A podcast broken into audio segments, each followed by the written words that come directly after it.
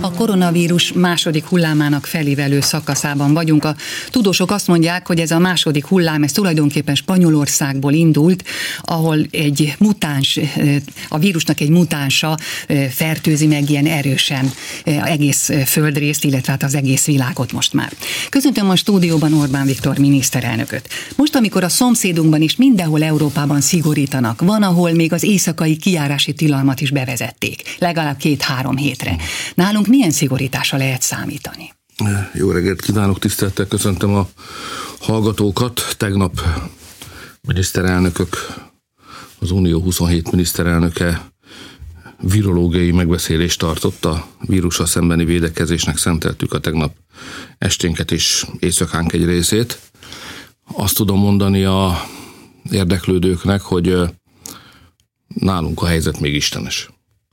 Itt sem könnyű, sőt nehéz de nálunk még istenes ahhoz képest, ahogy egyébként a magyar fejben vagy gondolatban gyakran magunk elé sorolt, a komolysági rangsorban magunk elé sorolt országok állapotát nézem, hát sokkal rosszabb a helyzet Belgiumban, Hollandiában, Spanyolországban, Olaszországban, Franciaországban, szóval Ausztriában, szóval kész, kész zűrzavar, ami Európában uralkodik. Tegnap tettünk egy kísérletet arra nézve, hogy összehangoljuk a védekezést, részben információcserével, például, amit ön is említett, tudományos munkatársak grémiumának megalakításával, hogy megértsük jobban, hogy az újabb és újabb hullámok honnan indulnak. Részben a határátlépési rendszer összehangolásával ez nem nagyon megy egyelőre, mert van, aki ezügyben elnézőbb, mi, mi szigorúbbak vagyunk, tehát mi nem akarunk igazából a föltétlenül szükségesnél több külföldit látni Magyarországon, és nem tanácsoljuk a honfitársainknak se, hogy külföldre megyenek, ez most nem az utazásnak az ideje, de próbálunk valami egységes minősítési rendszert kialakítani. Próbáltuk tisztázni, hogy össze tudjuk-e hangolni a teszt eredményeinket, tehát hogy el tudjuk-e fogadni a különböző országokban végzett teszteket más országokban is. Nem nagyon fűlik a fogunk ehhez sem, mert mindenki inkább a saját rendszerében bízik, én is így vagyok ezzel, de, de de dolgozunk ezen, és beszéltünk a vakcináról, ami a legfontosabb, hogy azzal, hogy állunk, hogyan kell fölkészülni arra az időszakra, amikor már lesz vakcina. Szóval így néz ki a helyzet, és valóban mindenki csinál valamit, mindenki szigorít valamit, de azt kell mondanom, hogy a intézkedések szigorúsága meg a helyzet nincs összhangban egymással, tehát vannak, akik nagyon szigorú lépéseket tesznek, a helyzet mégis folyamatosan romlik. Én annak vagyok a híve, hogy üssünk le néhány szabályt, az, azok legyen komolyak, azok legyenek komolyak, és utána tartsuk be. Tehát nem a szabályok számának szaporítása, hanem a már meghozott szabályok betartatásában látom a helyzet kulcsát. Persze most is hoztunk néhány egyértelműsítő, szigorító szabályt vendéglátóipari helységekben való tartózkodásra, sport vagy kulturális rendezvényeken való tartózkodásra, alapvetően a maszkviselés kötelező tétele. Én abban látom a kulcsot, hogy, hogy a maszkviselésbe kell tartani. És én tudom, hogy nehéz átállni egy olyan életmódra, amikor mindenkinek védekeznie kell, és elég hosszú ideig voltunk szerintem, amit a hatóságok hosszú ideig voltak megértőek, megsegítőek, de most már a helyzet meg a fertőzésnek az arányszámai arra kényszerítenek bennünket, hogy tekintsük lezártak a, a beszoktatást, ahogy az óvodában meg a bölcsödében mondják nekünk. Tehát most már hozzá kellett mindenkinek szokni, hogy mi a helyzet. Meghoztuk a szükséges jogszabályi döntéseket a, ezen a héten, és hétfőtől az ellenőrzések tekintetében egy új világ kezdődik. Tehát eddig volt a rendőr segít, elmagyaráz, kér. Most hétfőtől büntetni kell, mert aki nem hozza a szabályokat, nem hordja a maszkot, nem tartja be az előírásokat, az nem csak a saját egészségével játszik, hanem másokéval is. És a számok, miután fölszálló ágban vagyunk, továbbra sem lesznek kedvezőek. Tehát a védekezés az közös felelősség. Mindenkinek van benne része önnek is, meg nekem is. A maszkot hordani kell, aki nem hordja, felelőtlen, és veszélybe hor, sodorja a, a szomszédját, a rokonait, a munkatársait, egyáltalán mindenkit, akivel találkozik.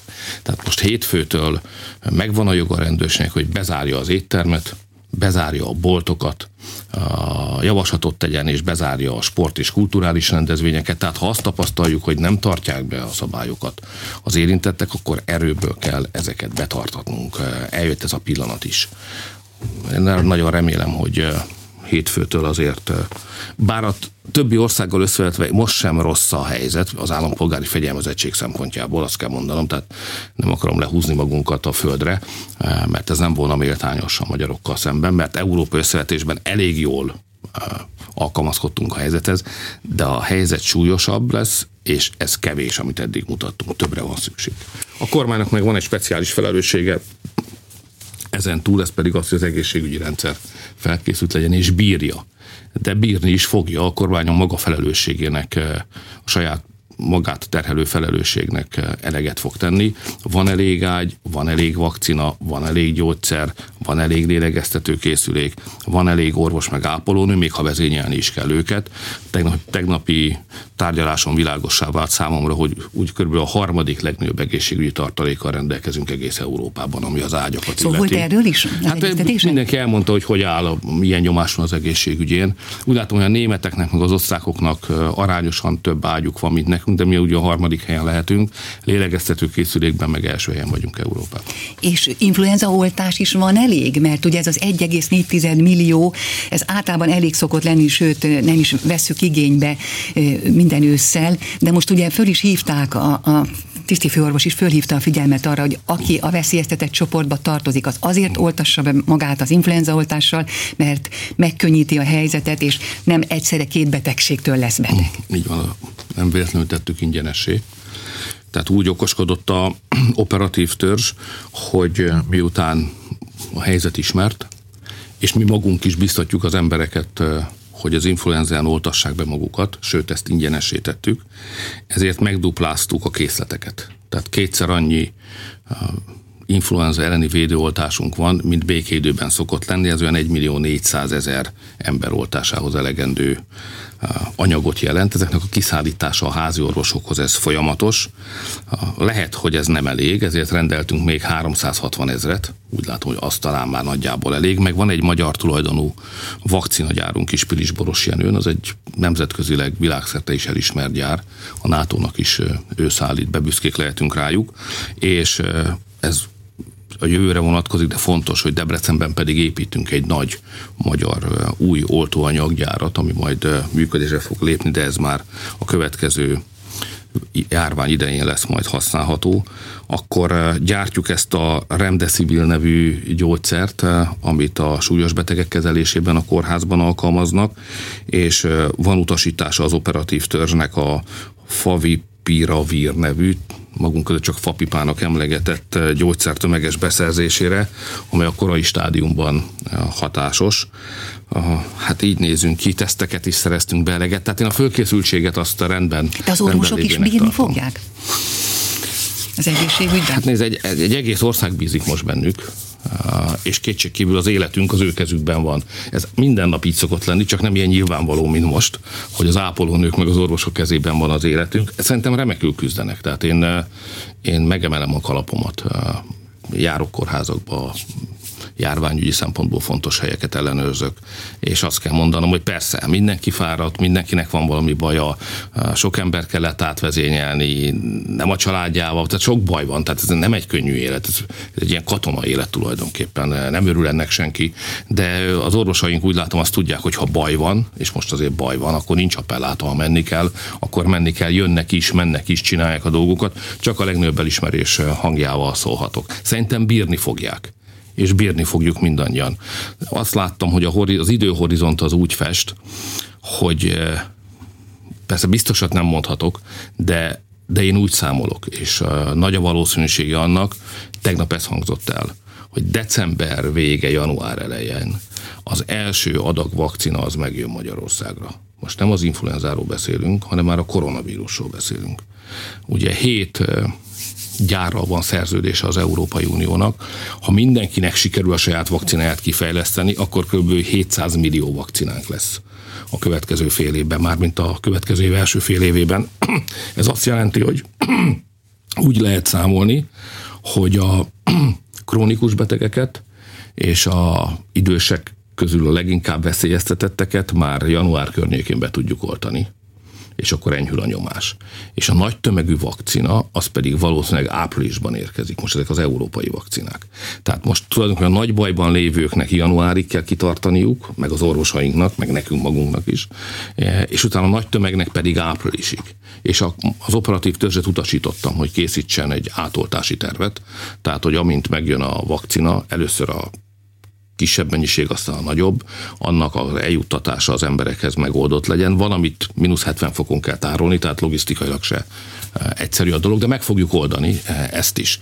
És e, kiküldtük az embereinket Kínába is, meg Oroszországba is, tárgyalunk, hiszen ott előrébb vannak valamivel a vakcinafejlesztésben. Könnyen lehetséges hogy elő tudjuk idézni azt az állapotot, hogy valamikor tavasszal nem egy, hanem kettő vagy három fajta vakcina is lesz Magyarországon, és ki miben bízik, eh, tud választani abból, hogyha be akarja magát oltatni, akkor eh, melyiket kérje. Nem mondom, hogy korlátlan mennyiségben lesz az elején, eh, de még egyszer mondom, két-három hónapot kell a legnagyobb bajban lévőknek kibírni, és utána áprilistól pedig mindannyian meg fogunk szabadulni ettől az egész járványtól.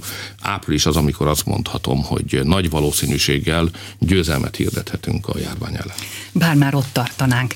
Ön mondta azt, hogy mikor nem, ha bajban kell az orvosokat úgy érdekelté tenni, hogy a hivatásoknak megfelelően kitartsanak az utolsó pillanatig, és meg kell emelni a bérüket, rendezni kell azt a jogviszonyt, amiben ők dolgoznak. Elfogadta a kormány a Magyar Orvosi Kamara javaslatát, megszületett a jogszabály. Most érdekes módon az orvosi kamarának nem tetszenek bizonyos részletek. Ön hogy látja? Aláírják az orvosok majd ezt a bizonyos szerződést, ami a jogállásokat tisztázza? Hát először is köszönetet szeretnénk mondani a kamarának, jó partner, ami azt jelenti, hogy mindenben együtt egyetértünk, de tisztességes és őszinte párbeszédet tudunk folytatni, ezért is tudtuk a törvényt elfogadni. Most az orvosi kamarának, meg az orvosoknak általában sok igazságuk van a főhozott szempontjaikat illetően. Például a törvény egyértelművé teszi a kirendelést, hogy az lehetséges. Ők azonban ezt eh, ennek a részletszabályot is látni akarják. Ezen dolgozunk, ez tegnap volt egy nagyon hosszú egészségügyi megbeszélésünk. Én úgy látom, hogy a héten mármint a következő héten esedékes kormányülés újabb egészségügyi döntéseket hoz majd, és teljesen egyértelmű, hogy a kirendelési szabályokat, azokat humanizálni kell. Az orvosoknak ebben igazuk van. Tehát mondjuk, amikor járvány van, dögvész, lepra, meg ilyen koronavírus. koronavírus, tehát amikor ilyen állapotok vannak, és ki tudja, nem lesznek-e újra ilyen állapotok, akkor vezénylés van. És ott korlátokat nem nagyon tudunk ilyen emberiességi korlátokat magunk elé állítani, akkor menni kell. És van az, amikor más okokból, tehát nem veszélyhelyzet miatt van szükség kirendelésre, ott joggal kérik, hogy akkor az, az ott az a legemberségesebb módon járjunk el, csak rövidebb időre lehessen, a családosokat, ha lehet, ne érintse. Szóval ezek, ezek mind teljesen jogos, életszerű igények, ez nem okoz nehézséget ezeket átültetni a jogszabályok nyelvére. A második kérdés, amit előttünk van, ez a magán praxis másodállás és az állami állás összeegyeztetése. Itt is kialakult egy életforma, a, a, alkalmazkodtak az emberek is, meg az orvosok is, a hálapénz is ennek a következménye egyébként egy elég rendezetlen keszekusz a helyzethez. Itt most próbálunk rendet tenni, a hálapénzt sikerült kivezetni, és most pedig lesznek világos és egyértelmű szabályok, hogy hogyan és miképpen kell, lehet összeegyeztetni a magántevékenységet, meg az állami közegészségügyben föntartott vagy elfoglalt állást egymással. Itt is jogos az igényük egyébként, hogy minél hamarabb legyenek világos szabályok. Ezen dolgozunk, ezt majd a házi orvosokra vonatkozó szabályok elfogadása után fogjuk megalkotni. Most szerdán tehát a kirendelés szabályairól, a házi orvosokról, meg a kórház rendről kell majd döntéseket hoznunk, és ezután következik a másodállás magánpraxis kérdésének a szabályozása, de a viták észszerű mederben zajlanak. Az, hogy átírta az életünket ez a járvány, az teljesen nyilvánvaló, és az is nyilvánvaló volt nyilván minden kormány számára, hogy a költségvetés, ugye a mi esetünkben mi már korán elfogadtuk, mindig így szoktuk, hogy nyár előtt elfogadja az országgyűlés a költségvetést, azt, azt is át kell, majd, át kell majd egy kicsit fazonírozni. Ennek ellenére marad pénz arra, hogy ezt a most a legutóbb öt pontból álló otthonteremtési támogatási csomagot, programot finanszírozni tudja a kormány? Hát Varga Mihálynak csodát kell tennie, de a magyar pénzügyminiszternek általában ez a sorsuk. Sose volt még úgy, hogy több pénz lett volna, mint amire szükség van.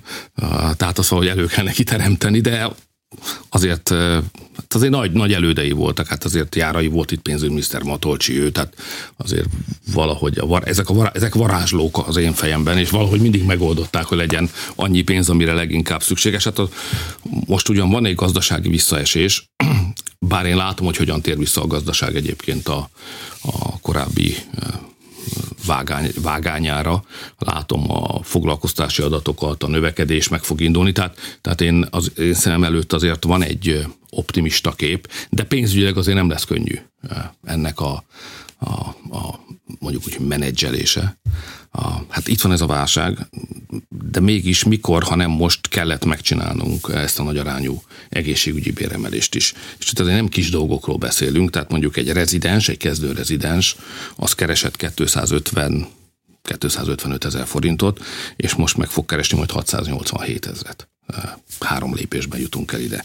Vagy egy olyan orvos, aki dolgozott mondjuk 30 vagy inkább 40 évet, az keresett 530 ezer forintot, és most fog keresni 2 millió 380 ezeret három lépésben. És az ápolónők bérét is megkezdtük már 18-ban emelni, most november 1-től megint emelünk 20%-ot, és aztán majd 22 megint emelünk 30-at. Tehát, tehát az ország szerintem viszonozza a, az odaadását az egészségügyi dolgozóknak, és azon, hogy erkölcsileg elismerjük őket, próbáljuk javítani a munkaföltételeiket, azért eljött az ideje annak is, és mikor, ha nem most, hogy eh, hát valóban szinte elviselhetetlenül alacsony fizetéseket az egészségügyi meg tudjuk emelni. Mégiscsak 7-8 évet tanuló emberekről van szó, utána komoly szakvizsgát kell tenni. Tehát ez, ez, ez lassan összeáll ez is.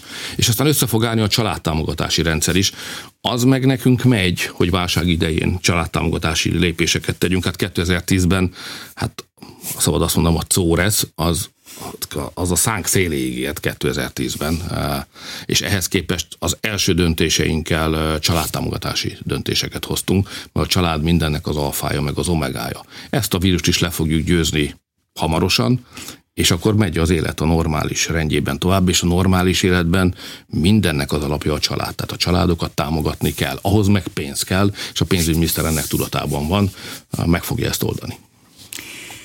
Tegnap Nízában egy nagyon súlyos terrortámadás történt, három embert késsel megölt egy olyan fanatikus iszlamista, aki néhány héttel ezelőtt érkezett Tunéziából Lampedúzára, majd onnan eljutott Franciaországba. És ott áll az egész világ, és nem érti, hogy most mi történik. Vagy valóban nem érti, hogy mi történik? Ön hogy látja? Nehéz, nehéz másodfejével gondolkodni. először hadd gondolkodjunk a sajátommal. A, tehát mi magyarok vagyunk. És van tapasztalatunk a muszlim világról a, éltünk együtt 150 évig. A, ismerjük ezt a világot most is. Tiszteljük is ezt a világot. A, ott, ahol való, a saját helyén. Tehát mi nem kívánunk a, sorrendet felállítani különböző vallási hagyományokra épülő életformák között. A, az afrikaiak jövője Afrikában van. A magyarok jövője Magyarországon van. Ha egyszer beengeded őket, együtt kell velük élned. Az együttélés kölcsönös alkalmazkodást jelent. Akkor is, ha nem tetszik. Ha nem akarsz alkalmazkodni, egy dolgot tehetsz. Nem engeded be őket. Én ezt a álláspontot képviselem. Ha nem akarunk nidzai eseteket látni Magyarországon, nem szabad beengedni őket. Akik itt vannak, nagyon kevesen vannak, jól be is illeszkedtek, nagyon kevesen vannak egyébként, különösen Budapesten, semmi gondunk nincsen velük, békés, többeket ismerek közülük, békés, kiegyensúlyozott emberek, de nem akarunk újakat beengedni, különösen nem akarunk migránsokat beengedni. És nem akarok olyan helyzeteket látni, mint amit most Franciaországban látunk. És ha beengedjük, ez elkerülhetetlen lesz. Tehát én azt javaslom a magyaroknak, hogy tartsunk ki Minden áron tartsunk ki, ne engedjünk, hogy Brüsszelből ránk erőltessenek olyan szabályokat, hogy be kelljen engednünk olyanokat, akiket nem akarunk beengedni, együtt kelljen élni olyanokkal, akikkel nem akarunk együtt élni, és utána temetésekre járhassunk. Ezt nem akarom. Tehát hiába fognak bennünket Brüsszelből nyomni, hiába zsarolnak, hiába erőszakoskodnak, mi nem fogunk arra az ösvényre lépni, amin ők haladnak, mert szentünk az az ösvény nem való nekünk. Lehet, hogy nekik való, bár egyre több a kétségem, de nekünk biztosan nem. Tehát ki kell tartani. És világosan kell beszélni, hogy a helyzetünk nem könnyű, mert nem csak Brüsszelből nyomnak bennünket, a magyar ellenzék is bevándorláspárti. Akik kint ülnek Brüsszelben az ellenzék részéről európai képviselők, azok egy falkában vannak azokkal, akik egyébként azt akarják, hogy Magyarország változtassa meg a migráció szabályait. Nem fogok hozzájárulni. Amíg ez a kormány van, nem jönnek be. Megismétlem, az afrikai emberek jövője Afrikában van. Mi segítünk, tiszteljük őket, mindent megteszünk, hogy az ő életük ott Afrikában jobb legyen, mint most, de nem engedjük azt, hogy Magyarországra jöve itt keresenek maguknak új életet. Na most ez az első dolog, most ez a magyar feje való gondolkodás. Na most szóval próbáljunk meg a nyugatiak fejével gondolkodni. Nem könnyű. Volt egy fantasztikus belügyminiszterük az olaszoknak. Salvini-nak hívják. A, ez az ember megakadályozta a illegális bevándorlást Olaszországba. Rendet tartott. Ezt az embert leváltották. Most ellenzékben van. És most látjuk, hogy valaki bejön hajóval Olaszországba, kap egy papírt, hogy ki van utasítva, majd elengedik. Ő meg elmegy Nizába, és meghal nem tudom hány ember. Tehát ez lehetetlen. Tehát nekünk Nyugat-Európában is az az érdekünk, vagy magyaroknak az az érdekünk, hogy Nyugat-Európában is olyan vezetők legyenek, akik migráció ellenesek, és rendet tartanak a saját országaikba, mert most Nizába ment ez az ember, de jöhetett volna éppen Magyarországra is, mert Schengenen belül vagyunk. Tehát nekünk sem mindegy, nem babra megy a játék, hogy a nyugat-európai országok végre megvédik-e a saját polgáraikat. Ha nem védik meg a saját polgáraikat, bizony bajba hozhatják a mieinket is. Ez a helyzet. Tehát nekünk keménykezű, nyugat-európai miniszterelnökök és belügyminiszterek kellenek, ha magyar szempontból nézem az eseményt. Egyébként pedig föl vagyok dúlva. Tehát én emlékszem, 84-ben voltam először Nyugat-Európában diákként, Interrail, kommunista rendszer Magyarországon 300 dollárt vihetsz ki, tehát pályaudvaron alszol, parkokban alszol, tehát nem egy két óra. Na, de soha nem féltem még az akkori Hollandiában sem, ahol először láttam ilyen gyanús alakokat ott Amsterdamba, de még ott is az embernek az érzése volt, hogy biztonságban van. És ez nem volt olyan nagyon régen, azért még mi életünknek a derekán volt. És most, ha, ha a saját gyerekeink kimennek, kimegynek Nyugat-Európába, akkor aggódunk, hogy rosszabb, biztonság, kevésbé biztonságos helyre mentek, mint amilyen Magyarország. És aggódunk, hogy mi lesz velük. Hát ez nem normális dolog. És ez a mi volt egy fantasztikus kontinensünk biztonságos volt, jó módú volt, kulturálisan erőteljes volt, voltak hagyományai, és most e- ehhez képest egy nizzai merényletről beszélünk, ami Franciaországban nem az első volt ezen a héten. És Nyugat-Európában pedig végképp nem, mert Németországban se sokkal jobb a helyzet. Tehát én föl vagyok, megmondom őszintén indulva, hogy hogy lehettünk annyi, annyira vakok, vagy hogy lehettek vakok oly sokan annyira, hogy egész egyszerűen odadobták a kontinenst. Igen, csak azt mondják, hogy a, a szólásszabadság, csak el kéne már egyszer dönteni, hogy szólásszabadsággal való jognak számít-e az, hogyha én egy másik vallásnak a vezetőjét gyalázom. Mert ez az iszlamista ugye bement a templomba, és egy imádkozó embernek vágta el a torkát, meg vágta le a fejét. Az biztos, az az ember biztos, hogy nem rajzol gúnyol, gúny rajzot sem Mohamedről, sem más vallás vezetőjét. Igen, szerintem ez egy izgalmas kérdés, hogy a szólásszabadság határai hol vannak, de ezt nem akkor kell megvitatnunk, amikor éppen emberéleteket veszítünk el. Mert akárhogyan is van valaki megsértve a személyes, vallásos érzéseibe, ami durva tud lenni, mi magyarok is tudnánk erről beszélni, hogy hogyan szoktak itt is mindenfajta sértéseket a vallásos emberek fejéhez vágni. Nem. Csak mi nem megyünk el Igen, de, nem de, de, de ilyen kétségül van, de ez semmiképpen nem magyarázat és ok arra, hogy egyébként a a, a velünk gúnyolódó másik embert megöljük. Gúnyolódás nem szép dolog, de embertölni meg egy egész másik kategória. Tehát lehet beszélni arról, hogy az európai szólásszabadság jó van-e berendezve, talán inkább nem, de az biztos, hogy semmilyen ok nincs arra, hogy ártatlan embereket egy templomban vagy bárhol valaki a saját fölindulásának még ha érthető fölindulásának is az okán, elvegye emberek életét. Erre nincsen semmi ok, nem, nem szabad megértenünk őket. Ha a megértés meg az elfogadás csak egyetlen lépése van egymástól. És ha emberéletről van szó, akkor nincs mit megérteni. Az emberélet szent, nem lehet elvenni. Lehetsz fölindult, lehetsz dühös, lehetsz sértett, sok minden történhet veled. Nem veheted el a másik ember életét. Leszámítva persze, ha megtámad, és akkor megszállónak minősül, és védekezned kell. Ez egy másik történet. De amikor békében élünk egymás, mert nincs arra magyarázat, mentség, bűn, menthetetlen bűn a másik ember életét elvenni, csak azért, mert nem ért veled egyet a mi keresztény kultúránkban és a református kultúrában holnap szombaton, október 31-én egy fontos pont van, egy ünneplő vagy ünneplésre alkalmas pont a reformáció emléknapja. Ön ünnepele holnap? Hát természetesen van kötelességem, ami egyben ünnep is. Holnap egy református templomot fogunk felszentelni. Itt Budapest mellett, ami mindig egy szép esemény, kötelesség, de, de egyben öröm is.